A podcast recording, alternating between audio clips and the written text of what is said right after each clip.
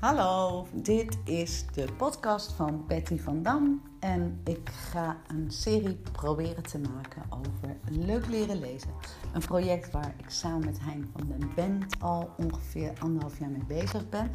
En dit project heeft als doel uh, om te kijken hoe krijgen we kinderen weer aan het lezen, maar vooral hoe leren we kinderen te lezen en informatie uit teksten te halen. Dit is mijn eerste podcast en um, het zal nog wel een beetje haperig gaan, maar ik denk dat het met een aantal afleveringen wel wat beter zou gaan. In ieder geval uh, is het onderwerp wat ik bespreek nogal divers en er zijn nogal wat verschillende meningen over. Er is één ding waar iedereen het over eens is en dat is dat het niet goed gaat met het onderwijs in het lezen en dat kinderen eigenlijk niet meer in staat zijn om informatie uit teksten te halen.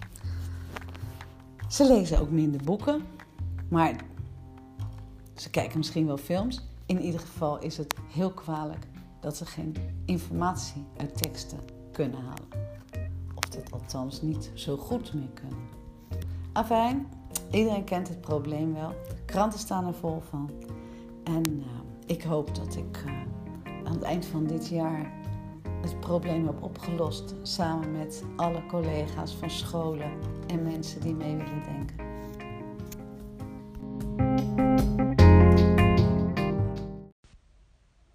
Ik sta nu voor de deur van het balkon. Het balkon is een basisschool in Maasluis. Uh, ze hebben mij gevraagd om een presentatie te houden over wat is er nou eigenlijk aan de hand met het lezenonderwijs. Um, ik ken de school nog niet, maar de directeur ken ik wel. Ik heb er echt zin in. Dus um, later meer.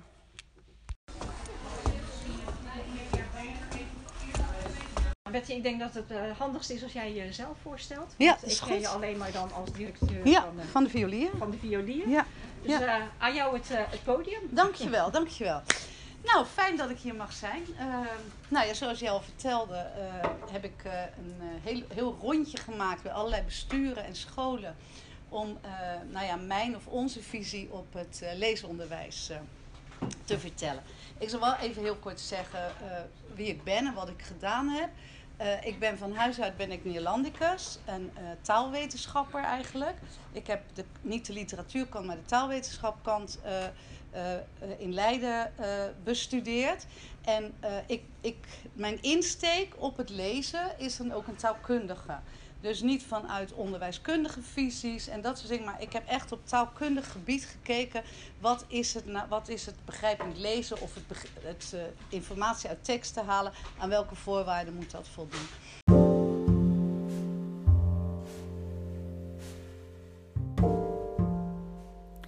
Het is uh, 1 oktober, half zeven in de ochtend. Zoals je misschien wat mijn stem kunt horen. Presentatie gisteren uh, op het balkon was ontzettend leuk. Het was heel fijn om weer uh, voor een team te staan, een hardwerkend team. Die, zoals heel veel scholen, op zoek zijn naar een herstructurering of verandering van het, van het leesonderwijs. Leuk was ook te merken dat het, grootste, grootste, gedeelte Lubach had gezien. De uitzending zondagavond. En ja, het, het, het, is wel overduidelijk dat overal waar ik kom, met alle mensen die ik spreek, dat iedereen een enorme hekel heeft aan de manier waarop het leesonderwijs de afgelopen twintig jaar is vormgegeven op scholen. ik zal daar verder verder nog op ingaan wat er nou precies, wat er nou precies anders is gegaan ten opzichte van de tijd daarvoor. Zijn een aantal onderzoeken geweest, een aantal veranderingen geweest. Daar kom ik nog over te sprake. Voor nu wil ik eigenlijk zeggen, nou, ten eerste wil ik het balkon bedanken dat ik daar mocht zijn. En dat ze zo enthousiast waren en zo goed bezig zijn. En ten tweede wil ik ook nog even opmerken wat mij opvalt. Uh, na Lubach zie ik op allerlei rubrieken op sociale media allerlei mensen die wel regelmatig in het nieuws zijn en iets over onderwijs vinden, ineens roepen dat ze er ook al jarenlang mee bezig zijn. Nou, ik ben er ook jarenlang mee bezig. Ehm, ik heb een aantal dingen gepubliceerd. Ik heb nog eens gekeken, maar ik heb eerlijk gezegd niet zo heel veel gevonden. Behalve dan dat mensen zeggen dat het anders moet. Nou ja, afijn. Ik ben in ieder geval blij dat we het allemaal met elkaar eens zijn dat het anders moet. En wat er dan precies anders moet en hoe het nu gaat, dat, uh, dat ga ik jullie nog vertellen. Uh, voor nu ga even opstaan en uh, gauw weer achter mijn bureau om mooie lessen te maken. Voor de scholen die aangesloten zijn bij Leuk Leren Lezen. Als je ook wil aansluiten, kun je op de website kijken. http www.leuklerenlezen.nl Dat was het.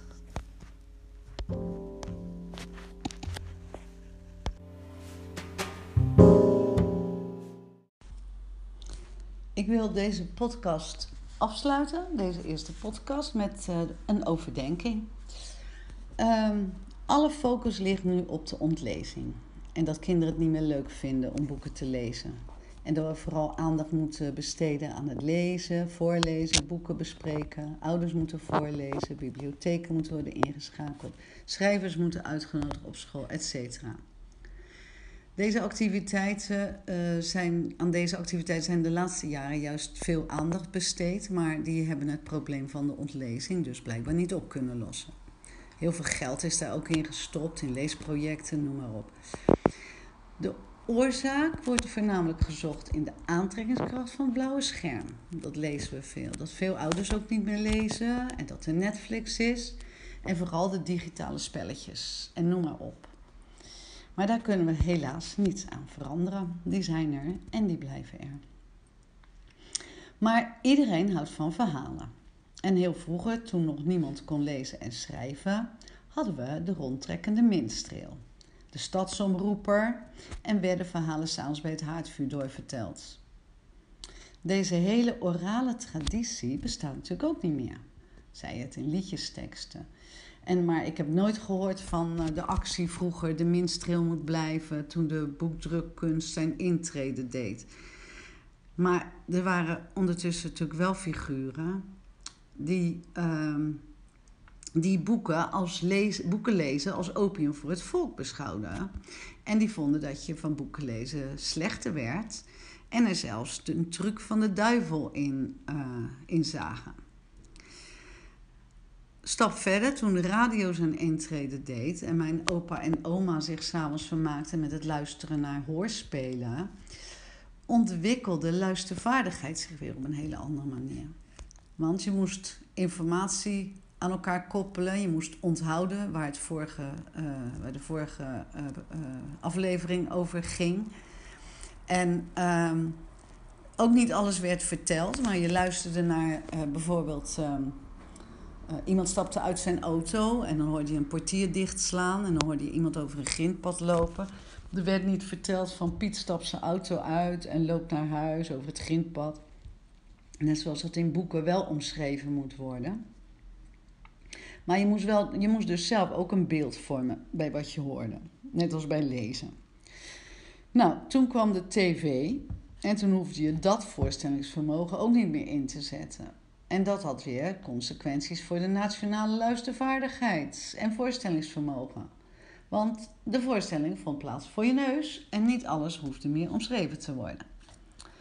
Uh, nou, bijna niemand luisterde toen meer naar hoorspelen. En ik heb ook nooit gehoord dat iemand een probleem daarvan maakte. Van uh, op de barricade voor de hoorspelen. En net als de radio zorgde tv ook weer voor ontlezing net zo goed. Maar daar hoorde je weer wel mensen over praten. Kinderen zitten veel te veel voor de televisie. Ze spelen te weinig en nou goed. En ze lezen te weinig. Nou, nu hebben we de computer en interactieve spelletjes. En natuurlijk alle andere dingen, Facebook en allerlei zaken waar je interactief mee bezig kan zijn. Met die spelletjes maak je dan zelf je verhaal. En uh, nu zit er bijna geen kind meer voor de tv. En nou ja, er is ook niemand die dat erg vindt. Maar ondertussen gaat de ontlezing natuurlijk door. Want wie heeft er nou zin om een boek te lezen als je zelf midden in een verhaal de hoofdrol kan spelen? Als je uitgedaagd wordt om iets te presteren. Kan een boek daar lezen, lezen daar nou tegenop? Nou, blijkbaar niet. Het boek verliest het. Net als de minstreel, de verhalenverteller, het hoorspel en zelfs de tv en ook het toneelstuk. Ja, is dat erg? Nou, nee, als het gaat om de beleving. En ja, als het gaat om de vaardigheid geschreven informatie aan elkaar te koppelen.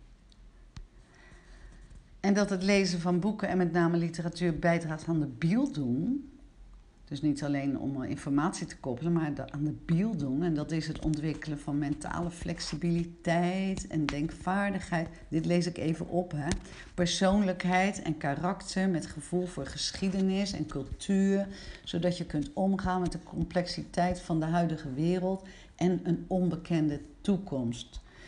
Uh, ja, als je duizend boeken leest, heb je duizend levens geleefd en duizend, um, ja, duizend uh, ideeën en beelden over de werkelijkheid of over gevoel gelezen, waardoor je jezelf uh, verrijkt. Nou, dat is natuurlijk heel jammer en dat is een heel ander verhaal. Maar dat hoor ik niet zo vaak. Als, het, als, als, ik, als, als, als we horen over dat het zo erg is dat kinderen niet meer lezen, wordt er eigenlijk altijd, uh, wordt er altijd gezegd: ze kunnen niet meer lezen, ze kunnen geen informatie meer uit teksten halen. Nou, um, nou dat is iets heel anders. Uh, volgens mij is het lezen van boeken, uh, dus het omgaan met verhalen en dan in de geschreven vorm. iets heel anders dan het informatie halen uit informatieve teksten. Dat is en, en daar wil ik het in de volgende podcast vooral over gaan hebben. Dit was de eerste podcast. Um, nou, ik uh, ben zelf nog niet zo heel erg tevreden. Maar ik ga hem toch maar uh, publiceren. En ik hoop dat jullie het leuk vonden. En het ook interessant vonden om op deze manier over lezen iets te horen. Dank jullie wel voor het luisteren.